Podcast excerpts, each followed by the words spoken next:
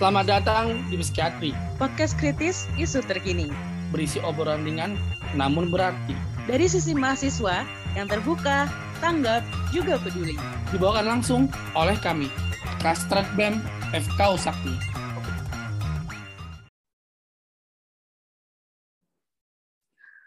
Halo semuanya, selamat datang di Psikiatri, podcast kritis isu terkini. Bersama gue Diandra Rahmadiani, dan hari ini gue nggak sendirian tentunya.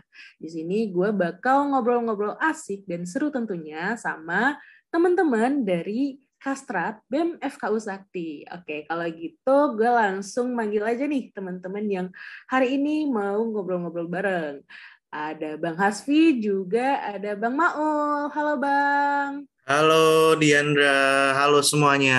Perkenalkan nama gue Hasfi dari Kasrat BMFK periode 2020-2021. Salam kenal semuanya.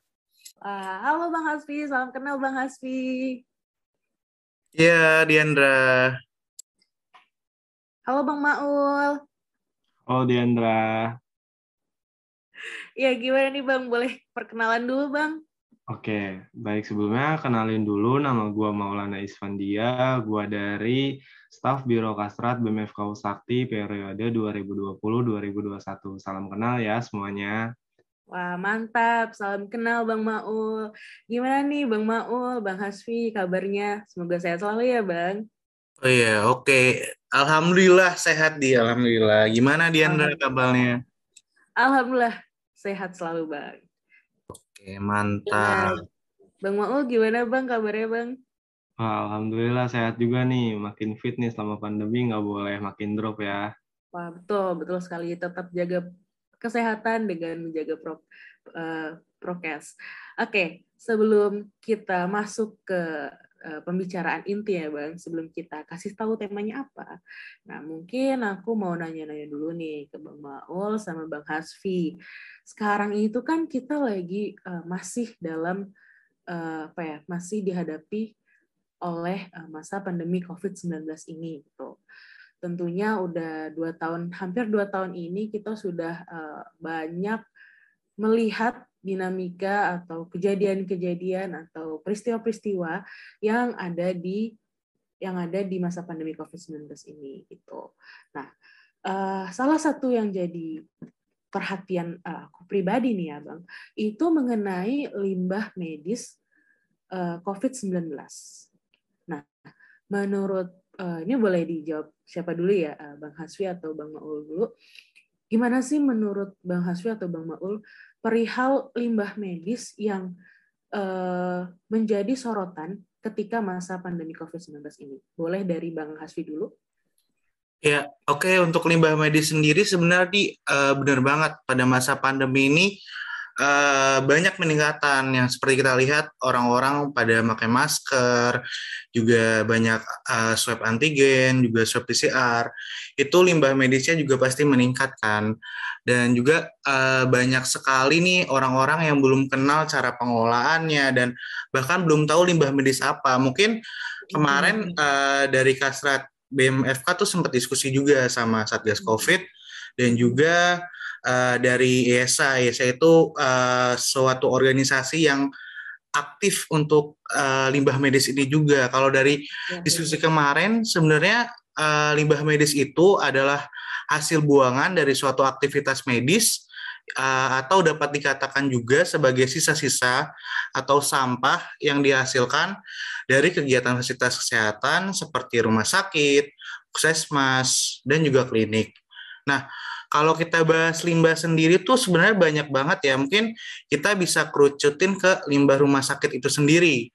Kalau limbah rumah sakit itu eh, biasanya itu dihasilkan dari kegiatan eh, dari rumah sakitnya itu sendiri dalam eh, itu bisa dalam bentuk padat, cair, pasta atau gel maupun gas yang dapat mengandung eh, mikroorganisme patogen yang bersifat infeksius dan juga beracun eh, bagi eh, masyarakat itu sendiri dan juga mempengaruhi kesehatan eh, manusianya itu dan juga dapat memperburuk nih kelestarian lingkungan hidup apabila tidak dikelola dengan baik.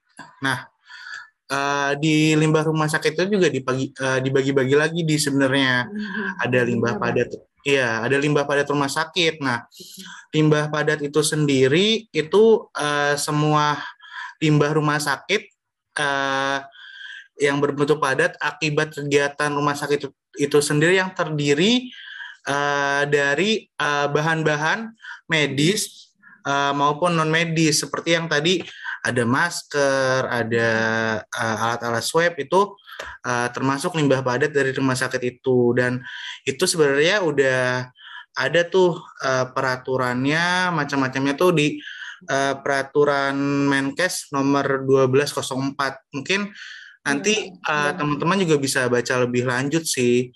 Nah, kalau nggak salah itu keputusan Menkes uh, tahun 2004 bukan sih bang? Kalau nggak salah. Iya bener banget sih itu. Uh, itu juga udah dijelasin kalau misalkan teman-teman mau lebih kepo bisa dibaca lebih lanjut juga di situ.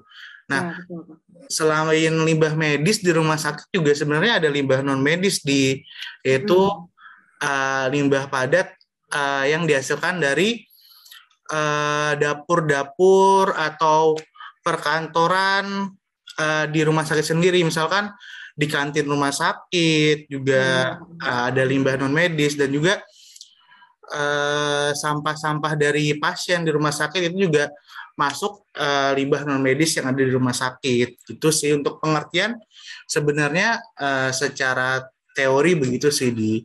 Iya. Oke, baik. Berarti memang uh, sebenarnya pembahasan limbah ini cukup luas ya, Bang, karena tadi dari aku yang uh, dengerin dari Bang Asu sendiri bahwa uh, limbah sendiri itu limbah secara umum ada pengertiannya lagi, terus nanti dikerucutkan lagi limbah medis itu uh, salah satu contohnya adalah uh, sorry uh, salah satu contoh dari limbah itu adalah limbah medis. Nah nanti limbah medisnya itu dibagi-bagi lagi ya bang menjadi uh, beberapa macam gitu. Salah satunya ada limbah pada rumah sakit gitu.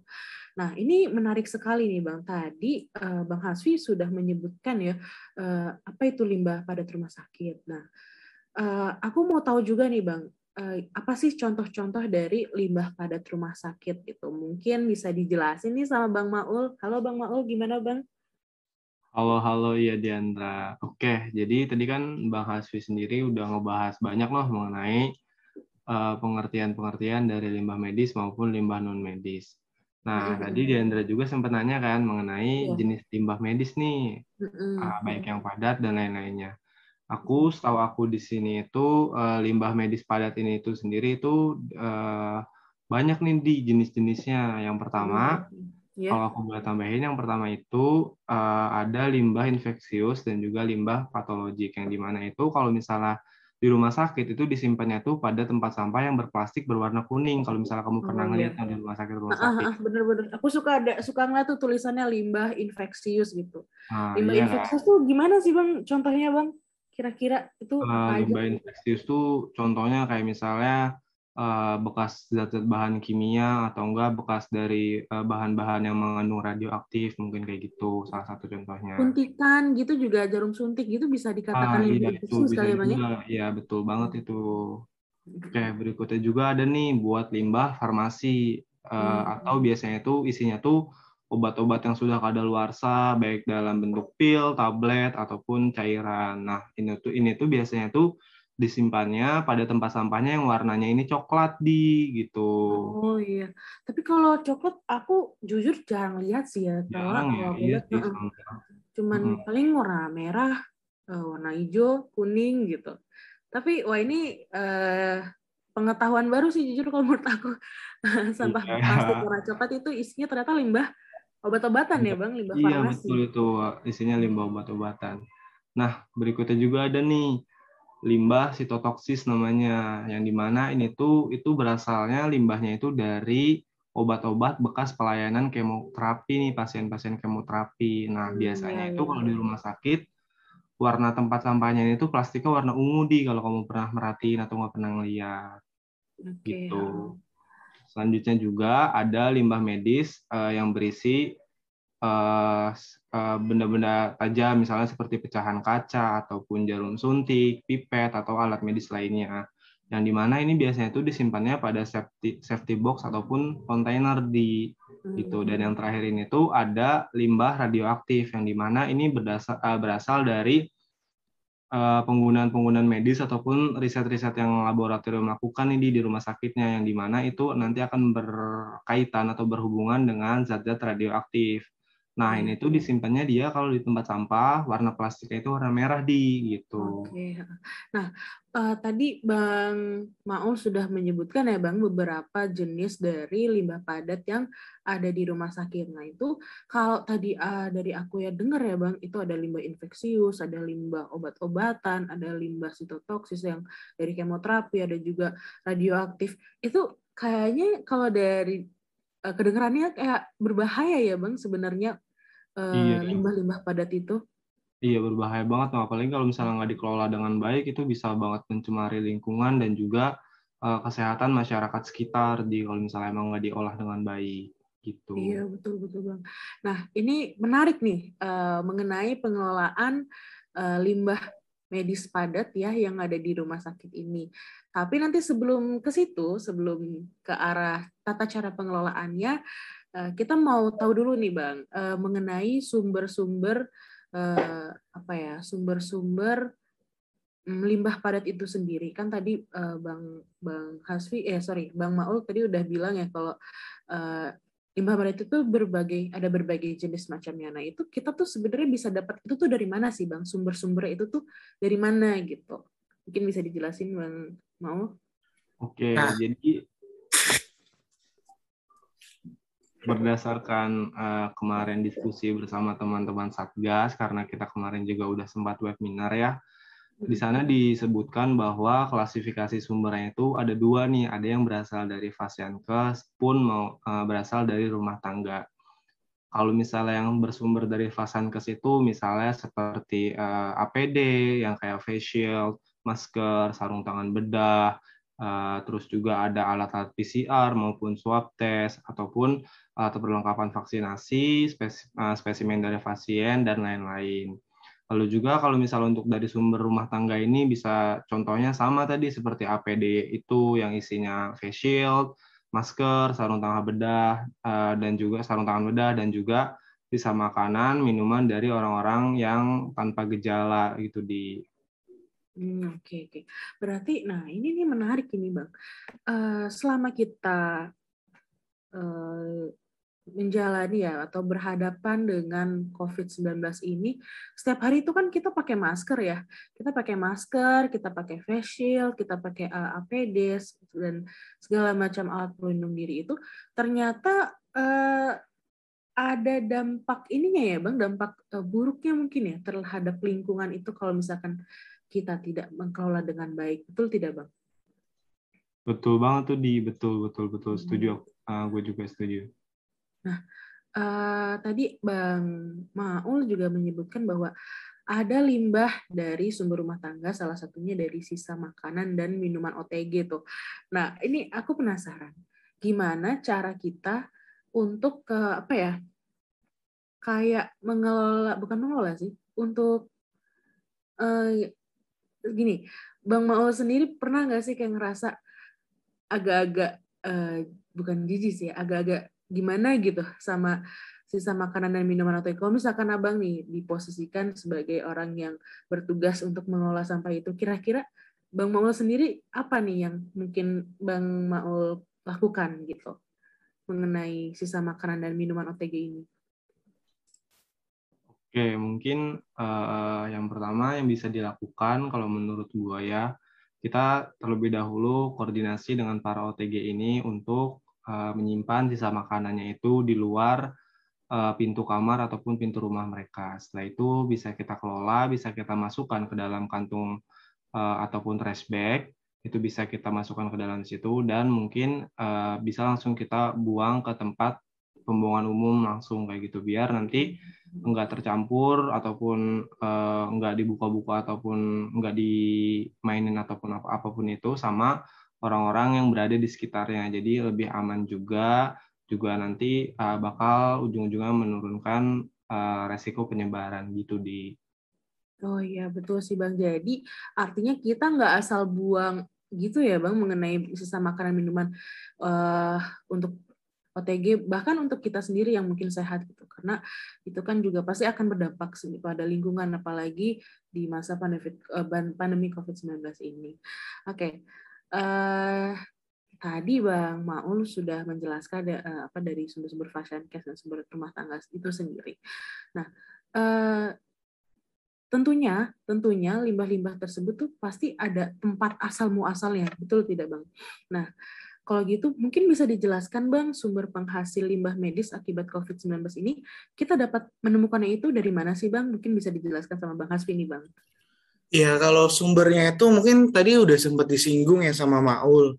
Jadi uh, beberapa tuh ada kayak rumah sakit, puskesmas, juga klinik laboratorium, alat-alat hasil antigen tuh pasti sekali pakai kan, nggak mungkin dipakai berulang kali. Jadi itu pasti uh, bakal banyak banget tertim, uh, tertimbun dari klinik atau laboratorium.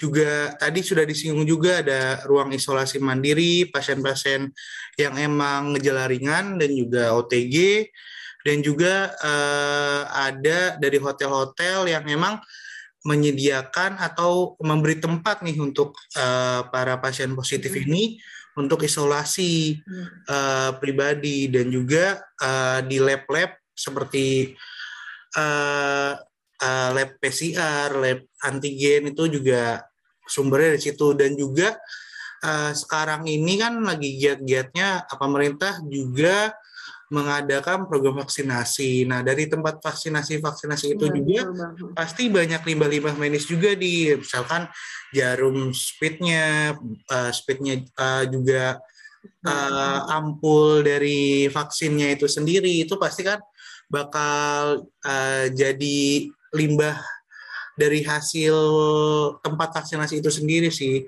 Untuk sumber-sumbernya pada iya, zaman COVID mungkin seperti itu sih di uh, contoh-contohnya. Sebenarnya masih banyak lagi mungkin untuk secara garis besar kebanyakan sumber-sumbernya itu dari situ sih.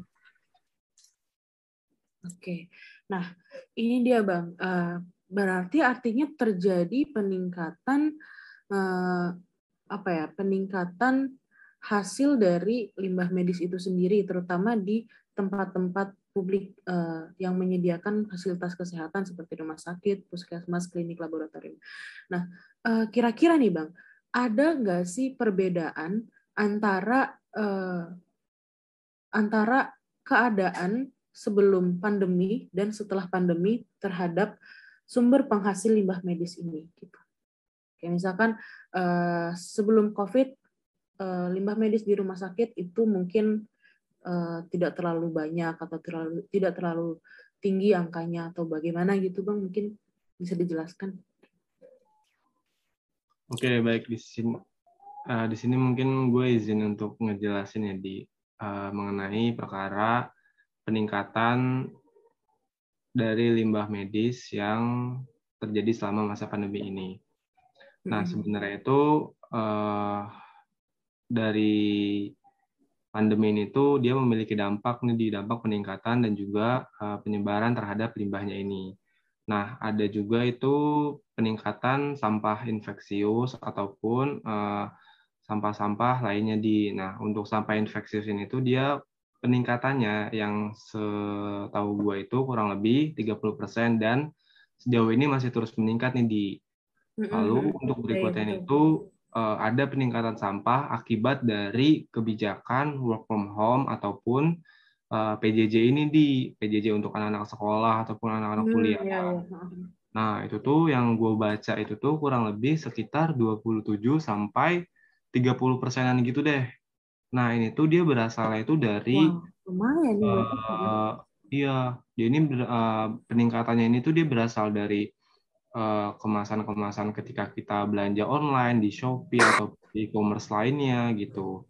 Terus juga ketika kita misalnya pesan makanan gitu kan, kita pesan makanan, GrabFood, GoFood segala macam itu pasti kan menghasilkan sampah. Nah, itu tuh jauh lebih meningkat di untuk sekarang ini. Nah, Iya iya benar sih. Aku juga aku juga oh. ngerasain sih bang selama selama pandemi COVID-19 ini kan kita biasanya tuh nggak nggak ke mall-mall gitu ya biasanya kayak online shop gitu kan. Iya, ya. betul, nah betul. itu tuh kayaknya uh, mendatangkan apa ya kayak plastik-plastik gitu kan untuk pembungkus-pembungkus paket kita gitu. Iya, plastik betul. terus eh, kertas-kertas dan segala macam itu aku ngerasain juga sih. Nah menurut bang Mau tuh kita gimana ya? Kan kita serba salah juga nggak sih? Kayak misalkan mau mau paketannya aman ya harus dilindungin sama hal-hal tersebut. Tapi kalau mengenai untuk dampak ke lingkungannya sendiri juga akan menimbulkan dampak yang kurang baik gitu. Nah, seharusnya kita tuh bagaimana bang langkah bijaknya kita? Eh, kalau misalnya kayak gitu, contoh tadi kan aku juga ada nyebutin nih eh, peningkatannya itu terjadi karena kita memesan eh, makanan-makanan dari online kan yang di mana itu nanti bakal nimbulin peningkatan sampah juga nih baik dari eh, styrofoam ataupun plastik-plastik box makanan lain-lain. Nah, salah satu langkah bijaknya untuk mengurangi hal tersebut itu kita bisa eh, masak sendiri di rumah, beli bahan-bahan langsung ke uh, pasar maupun ke minimarket kita olah sendiri. Uh, di situ juga kita udah terjamin nih hygiene-nya. Hygiene-nya karena kita yang ngolah kesehatannya juga karena kita yang ngolah. Jadi kita juga bisa uh, merasa lebih aman aja gitu merasa lebih terlindungi karena masakannya masakan sendiri dan itu nggak bakal berpengaruh juga limbahnya ke lingkungan sekitar gitu salah satu contohnya gitu di Oke, sama mungkin aku juga mau nambahin kali ya. Tadi kan Diandra juga sempat membahas uh, atau menanyakan mengenai uh, perbedaan nih uh, limbah yang terjadi baik selama masa pandemi maupun sebelum masa pandemi. Nah, dari data yang gue baca uh, terkait timbunan limbah penanganan COVID-19 ini, menurut uh, IGES 2020 itu dia sempat nih ngelakuin studi di berbagai negara termasuk Indonesia bahwa kalau di Indonesia ini itu sendiri itu dia sebelum pandemik sampah yang dihasilkan itu tuh atau limbah yang dihasilkan itu tuh eh, sekitar 35 ton per hari yang di mana itu kalau per orangnya itu kisarannya 3,3 gram per orang per hari. Nah ini tuh bakal meningkat drastis ketika eh, saat pandemik sekarang ini nih yang di mana disebutkan di situ untuk saat pandemik ini tuh limbah medisnya meningkat menjadi 247 ton per hari kalau nggak salah gue baca ya kalau gue nggak salah baca. Dan di mana itu eh, kalau di per orang ini tuh tuh kurang lebih 23 gram per orang per hari nih sampah yang dihasilkan. Naiknya itu ke eh, kurang lebih kisaran lima kali sebelum masa pandemik itu ada di masa pandemik ini ada. Gitu kurang lebih Bener banget nih Bang. Nah, terus nih Bang, eh, tadi Bang Hasfi, eh sorry, Bang Maul udah bilang ya Bang, bahwa kita itu bisa mengurangi, eh, apa namanya, mengurangi kegiatan kita untuk uh, membeli barang-barang online atau pesan makanan secara online itu dengan salah satu cara adalah memasak sendiri gitu kan Bang ya. Itu juga Iya. untuk uh, mengurangi mengurangi penggunaan uh, limbah plastik gitu. Oke. Iya. Uh, kira-kira gimana ya Bang keadaan sebelum dan sesudah pandemi ini menu apa ya mengenai timbulan limbah penanganan COVID-19 ini mungkin bisa dijelasin Bang? Oke, jadi terkait data uh, timbunan limbah penanganan COVID-19 ini, yang gue baca dari uh, IGES 2020 itu mereka sempat nih ngelakuin studi di berbagai negara, termasuk salah satunya di Indonesia. Studi yang mereka katakan itu bahwa di Indonesia ini tuh sebelum pandemi uh, timbunan limbahnya itu tuh kurang lebih sebanyak 35 ton per hari. Yang di mana kalau misalnya dibagi untuk per orang itu kurang lebih menghasilkan 3,3 gram per orang per hari. Nah ini bakal ini tuh melonjak tinggi gitu loh, melonjak tinggi sebanyak lima kali lipat nih. Saat pandemi ini tuh dia tingkat sampai kurang lebih 250-an di 250 ton per hari. Kalau misalnya emang dia uh, dibagi buat jadi per orangnya itu kurang lebih setiap orang itu menghasilkan uh, 23 gram per orang per hari gitu naiknya. Nah, benar-benar. Uh, ya gimana di? Ya berarti uh, angkanya memang cukup fantastis ya bang. Iya, betul. mengenai perbedaan antara sebelum dan ketika kita sudah eh, dihadapi oleh pandemi ini gitu ya bang ya. Iya, tinggi banget emang nih tingkatnya. Oke, Eh, artinya kita itu untuk apa ya bang ya? Artinya kita itu harus melaksanakan pengelolaan limbah medis itu secara optimal, secara baik untuk eh, mengurangi ya eh, polusi-polusi yang nanti eh, akan ditimbulkan oleh dari limbah medis itu sendiri. Nah, mungkin nih Bang, kita beda kali ya ininya apa namanya? perbedaan cara perbedaan atau cara pengelolaannya antara limbah biasa dengan limbah medis. Nah, mungkin bisa dijelasin nih sama eh, Bang Hasfi mungkin ya Bang mengenai pengelolaan limbah medis itu sendiri. Eh, Silakan Bang. I- iya benar. Kalau sebenarnya kalau pengelolaan sendiri dari pemerintah tuh sudah ngadain alurnya. Mungkin bisa dijelasin kali ya. Sebenarnya untuk pengolahan limbah medis sendiri itu pertama-tama itu dilakukan oleh pejabat pengawas lingkungan hidup atau bisa disingkat juga PPLH di nanti itu ada di tingkat provinsi dan juga eh, di tingkat kabupaten.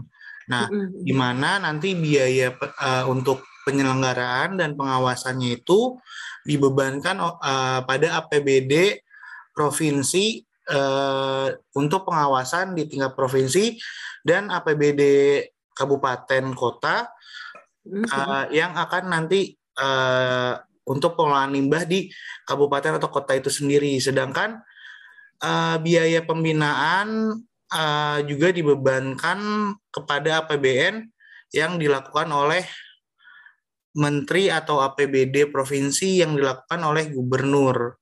Nah, kemudian untuk perlakuannya sendiri eh, limbah medis ini seharusnya dilakukan dengan cara berbeda-beda nih di eh, dengan limbah-limbah lain. Nah, apalagi limbah medis ini eh, bekas penyintas COVID dan itu eh, pada zaman pandemi seperti ini bisa eh, memperluas penyebaran COVID itu sendiri. Dan kita juga harus memperhatikan pengelolaannya dengan cara membuangnya, eh, dengan cara me- me- meletakkan atau eh, memakai masker-masker tersebut dengan lebih bijak. Ternyata, nah berdasarkan data juga itu masih sekitar 51% di limbah medis penyintas penyintas COVID nih yang eh, masih dite- ditaruh eh, dan disatukan Mhm. oleh sampah jenis lain. Berarti Gitu. hampir setengahnya ya, Bu. maksud aku kayak banyak juga loh 51% ini artinya orang-orang mungkin belum ini ya, Iya. belum, eh, apa namanya ada rasa eh, apa namanya bukan rasa peduli sih ya, kayak sadar gitu, belum belum sadar mengenai pengelolaan yang baik itu seperti apa. Mungkin Ya, seperti se- itu. Bang. Iya, sebenarnya lebih mungkin mereka kurang tahu bahwa eh, limbah eh, penyintas COVID ini memang sebenarnya harus dipisahkan dari sampah-sampah rumah tangga yang mungkin nanti ada di rumah itu. Misalkan eh, Iya, penyintas. COVID-nya ini kan isolasi di rumah, itu benar-benar harus dipisahkan dari sampah-sampah yang biasanya diangkut di truk-truk sampah ya. Kalau di perumahan kita biasanya Ada tiap sampah sih, Bang. apa? Iya, ada truk sampah. Iya, tiap minggu kan kita diangkutin itu eh, untuk penyintas COVID itu beda lagi cara penyalurannya. Itu juga harus diperhatikan sih. Nah, eh, juga 34 hanya 34 persennya yang di, nih yang Iya. sudah dibuang secara tempat yang terpisah. Iya betul. Ini di tempat aku juga nih ya bang, kayaknya tiap minggu itu memang datang sih eh, apa namanya truk-truk untuk pengangkut sampah. Tapi pengangkut sampahnya itu yang general gitu, yang secara umum.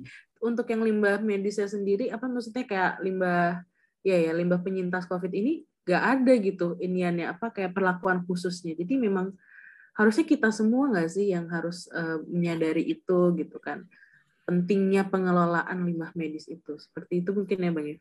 Ya, sebenarnya kalau dari pendapat gue di RT-RT itu udah ada Satgas COVID-nya juga di.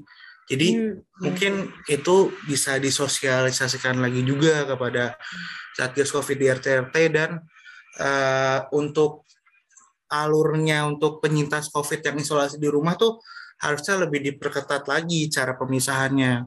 Mungkin uh, untuk gambarannya sih seperti itu sih untuk pemisahan antara uh, sampah penyintas COVID dan sampah rumah tangga seperti biasanya gitu. Nah, oke okay, dari tadi kan Bang Hasu sudah menyebutkan ya bahwa memang harus ada uh, pemisahan nih antara limbah biasa dengan limbah medis itu sendiri. Nah, uh, adakah cara atau tata cara uh, pengelolaan limbah infeksius itu sendiri, Bang? Yang mungkin bisa gimana ya? Ya, kita kan harus mengetahui uh, bagaimana cara pengelolaannya gitu. Nah, itu bagaimana nih kira-kira, Bang? Untuk tata cara pengelolaan limbah infeksius dalam rumah tangga itu sendiri. Ya, untuk tata caranya itu sendiri sebenarnya pertama itu kita siapkan tempat sampah tertutup dan juga kantong sampah khusus di untuk uh, limbah infeksius penyintas COVID ini. Terus kedua kita bisa uh, bila ada suspek nih yang belum positif COVID atau uh, pasien yang dengan gejala COVID ini uh, bisa kita uh, juga mulai kita simpan tempat sampah uh, kita pisahkan di salah satu sudut kamar pada saat dia isolasi. Oh, iya. Tapi posisi tempat sampahnya ini harus agak jauh ya dari tempat tidur, jadi tidak uh, tercemar juga tempat dia iya. isolasinya. Iya, Nanti kan juga kebersihan dari tempat isolasi juga juga harus dijaga ya. Iya. Terus juga yang ketiga kita juga uh, saat tempat sampahnya ini udah penuh nih, itu hmm. harus dibuang. Tapi jangan lupa nih bungkus uh, limbah infeksius tersebut uh, memakai kantong plastik berwarna kuning biar nanti jelas itu antara limbah rumah tangganya dan emang limbah rumah uh, limbah dari penyintas COVID-nya ini sendiri. Ya, dan juga ditutup nih, jangan lupa ditutup biar uh, tidak terjadi uh, penyebaran dari suspek atau uh, pasien positif COVID-nya itu sendiri. Nah, hmm. kalau nggak ada kantong plastik kuningnya itu, hmm? nah bisa juga pakai kantong sampah yang tersedia, tapi tetap nih dibedain antara limbah rumah oh, tangga dan juga limbah infeksius itu sendiri. Iya, iya. Ya, nah. nah kita kasih ini kayak ya, label gitu bang, label. Iya, label bisa. Misalkan, gitu. misalkan kalau uh, ada tuh yang jual kan plastik-plastik sampah uh, berwarna-warni. Ya, hitam tuh bang, yang gede biasanya. Ya biasanya tuh kan bisa juga tuh misalkan limbah penyintas COVID atau yang kena COVID tuh kita kasih warna hitam, yang lainnya kita kasih untuk sampah rumah tangga bisa kasih kita kasih warna merah. Yang penting emang jelas tuh uh, untuk pemisahan antara limbah yang dari pasien COVID-nya itu dan emang limbah rumah tangga yang ada di uh, rumah masing-masing. Dan juga yang keempat juga sebelum kita berikan nih limbah uh, pasien COVID atau suspek itu kita bisa uh, semprot dulu tuh pakai uh, cairan disinfektan. Oh, dan iya, juga uh, jangan sampai uh, sampah ini uh, yang kita kelola itu malah menularkan uh, virus ke petugas kebersihan khusus yang emang mengelola uh, limbah uh, penyintas COVID ini.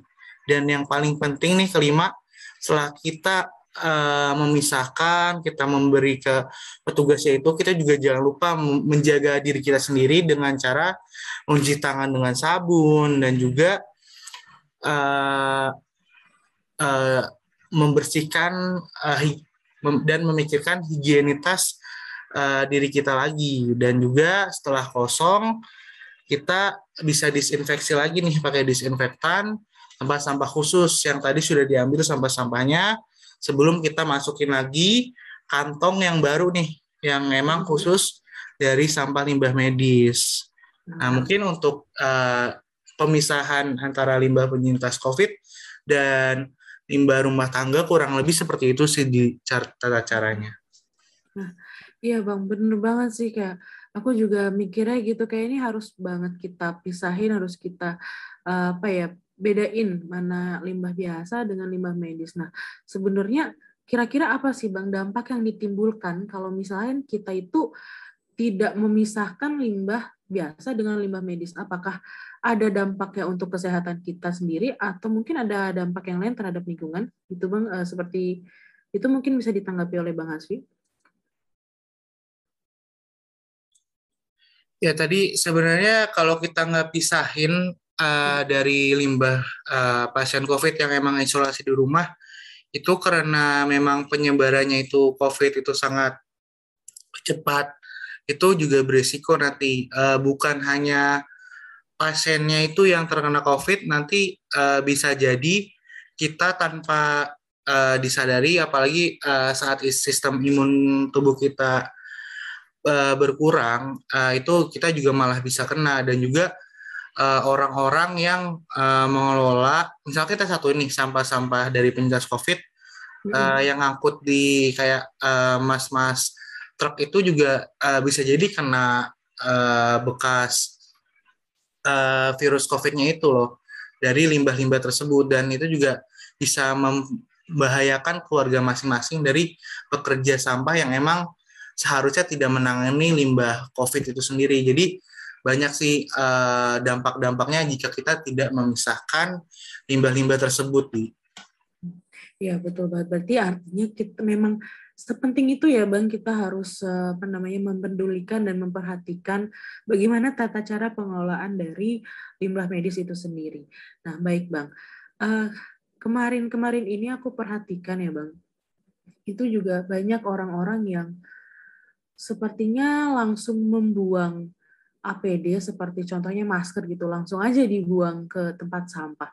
Nah, kira-kira untuk masker sendiri atau mungkin APD yang lain gitu, apa ada tata cara pengelolaannya sendiri, Bang? Uh, seperti yang mungkin tadi disebutkan sama Bang Haswi kayak uh, seperti itu atau bagaimana, Bang? Mungkin bisa dijelaskan oleh uh, Bang Maul. Oke, uh, tadi Bang Hasfi itu sudah kurang lebih menyebat, uh, menyebutkan mengenai cara pengelolaan limbah infeksius yang ada di rumah tangga. Nah, aku tadi di sini coba untuk menjawab pertanyaan dari Diandra ya mengenai uh, pengelolaan atau penanganan sampah medis, uh, contohnya seperti tadi APD, sarung tangan dan lain-lain gitu ya. Nah, di ya. sini kalau dari gue pribadi itu yang pertama kalau misalnya kita setelah atau beres make nih, beres make APD-nya, uh, eh, baik sarung tangan, masker ataupun lain-lain itu uh, yang pertama harus dibalik dulu nih, harus dibalik. Uh, lalu setelah, uh, setelah itu sebelum dibuang kita gunting terlebih dahulu dan uh, dilipat-lipat nih barangnya biar nanti nggak bisa digunain lagi nih sama orang-orang lain kayak gitu. Lalu berikutnya ini tuh kita juga bisa di disinfeksi dulu nih atau kita semprotin nih, di kita semprot-semprotin sama uh, disinfektan sebelum dibuang.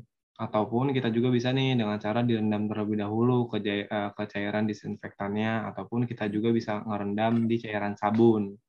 Itu setelah itu yang terakhir ya udah kita masukin ke tempat sampah ke kantong sampah. Kita tutup rapat-rapat. Lalu kita beri tanda nih bahwa ini tuh uh, sampah limbah medis kayak gitu. Sampah medis gitu. Kurang ya. lebih gitu sih di Iya Bang, soalnya waktu itu beberapa waktu yang lalu aku juga pernah dapat video ya. Ternyata ada eh, apa namanya masker, masker yang udah dijual. Biasanya aku nggak nge eh, ngejudge yang masker murah ya enggak, cuman mem, pada di video itu mengatakan bahwa eh, dengan harga yang sangat jauh di bawah rata-rata atau standarnya masker itu ternyata bisa jadi bang uh, bekas masker pakai gitu. Jadi masker itu setelah setelah kita buang itu ini terutama yang nggak dipotong-potong ya ini nggak yang nggak dipotong-potong dan nggak dilipat-lipat itu biasanya bisa digunain sama orang-orang yang tidak bertanggung jawab untuk di uh, daur ulang lagi. Nah itu kan cukup membahayakan ya bang nah, dengan keadaan iya. seperti itu. Iya bener no, bener kan. Kadang ah, aku iya. juga, ah, gue juga pernah ngeliat no uh, yang kayak apa ya, ibaratnya pengepul-pengepul nakal uh, sampah limbah medis terutama kayak masker kan yang di mana mereka kayak ke tempat TPU kah gitu kan. Nanti mereka kayak milih-milih nih masker-masker yang masih bisa di recycle lagi menurut mereka gitu tanda dalam tanda kutip itu nanti mereka Hmm. pilih-pilih nanti mereka cuci bahkan mereka jemur bahkan mereka Nah, setrika benar. lagi biar bisa Betul. dijual kan kayak gitu kan sebenarnya itu Iya. dilarang banget ya dilarang keras karena itu bisa eh, takutnya ke depannya dapat menimbulkan infeksi atau lain-lainnya kan karena nggak tahu juga nih orang yang pakai maskernya kan sehat atau enggak apakah ada penyakit Betul. apalagi kan kalau bersin kan jijik juga nggak sih tapi ya walaupun udah dicuci tapi kayak merasa ada rasa jijik ataupun kayak nggak enak gitu kan sebenarnya Ya, Gitu. betul betul sekali betul sekali bang. Oke, nah eh kita sudah ada di hampir di penghujung acara nih ya bang Maul, bang Hasfi. Mungkin ada satu patah kata atau dua patah kata dari bang Maul atau bang Hasfi nggak ya? Eh, ini mungkin bisa disebutkan dulu sama bang Hasfi mungkin. Eh, boleh closing statement dari bang Hasfi sendiri mungkin bang? Sebenarnya kita dari tadi sudah bahas lumayan banyak ya tentang limbah medis sendiri. Sebenarnya eh, yang gue mau itu nanti pastinya eh, dari semua pihak nih bisa teredukasi bahwa eh, masalah limbah medis pada masa pandemi ini itu eh, menjadi suatu fokus yang sangat besar gitu, terutama untuk penyebaran COVID-nya sendiri. Dan tadi juga Uh, mungkin udah dibacain bahwa peningkatannya itu sampai lima kali lipat di mana angkanya itu memang sudah besar. Jadi mungkin nanti uh, apalagi uh, masyarakat juga bisa tersadar dan juga uh, bisa mengelola limbah penyintas atau pasien COVID ini dengan lebih baik sehingga penyebaran COVID-nya ini bisa uh, terbantu berkurang dan juga mengurangi uh, beban-beban dari uh, pengelola uh, limbah-limbah ini. Jadi kita bisa saling gotong royong dan juga membantu dan juga uh, nantinya uh, diharapkan juga uh, lebih ada alur yang jelas gitu loh antara RT RT-nya untuk uh, ke mana nanti limbah-limbah bekas penyintas COVID-nya ini uh, bisa dibawa. Mungkin harapan gue dari situ yang penting masyarakat bisa teredukasi tentang masalah limbah medis ini sendiri. Mungkin gitu sih di. Oke. Oke, baik Bang Haswi, makasih banyak Bang mengenai closing statement ini. Memang kita itu nggak uh, cuma pemerintah aja ya Bang yang harus uh, apa namanya bertanggung jawab dan peduli terhadap uh, isu limbah medis uh, yang ditimbulkan oleh COVID-19 ini. Oke, baik. Kalau untuk Bang Mawar sendiri mungkin ada closing statement yang bisa diberikan, Bang? Silahkan.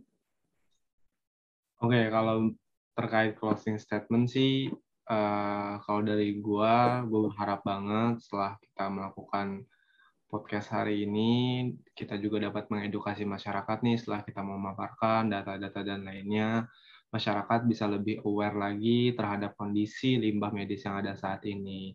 Juga uh, bentuk aware-nya itu bisa dengan kita misalnya mengurangi jumlah uh, limbah plastik juga ataupun uh, limbah-limbah medis lainnya. Terus juga bisa juga dengan kita setidaknya bisa mengelola lah dengan baik limbah-limbah APD yang biasa kita gunakan kayak masker dan lain-lain agar kita juga bisa membantu dalam uh, pengurangan jumlah limbah medisnya, terus juga juga kita bisa uh, membantu menjaga lingkungan dan juga kita bisa membantu untuk uh, mengurangi nih uh, penyebaran dari virus COVID-19 ini. Kalau dari aku kurang lebih gitu aja sih di. Oke, baik Bang Maul, terima kasih banyak Bang atas closing statement yang telah diberikan. Jadi uh, dari pembincangan kita kali ini itu dapat disimpulkan bahwa uh, terjadi peningkatan angka uh, limbah medis terutama di masa pandemi COVID-19 ini dibandingkan dengan sebelum adanya pandemi COVID-19 ini. Dan tentunya uh, limbah medis ini merupakan suatu uh, uh, pengelolaan mengenai limbah medis ini merupakan suatu hal yang sangat penting agar lingkungan lingkungan juga kesehatan diri kita, lingkungan kita itu juga tetap baik dan tetap terjaga. Nah, uh, harapan terbesar kita pasti uh, pastinya baik semua pihak, baik organisasi pemerintah yang terlibat maupun masyarakat itu dapat terus memperhatikan betapa pentingnya mengelola lingkungan hidup uh, agar tidak tercemar limbah, apalagi limbah medis ini, sehingga lingkungan kita dapat sehat, nyaman, dan aman untuk kita tinggali.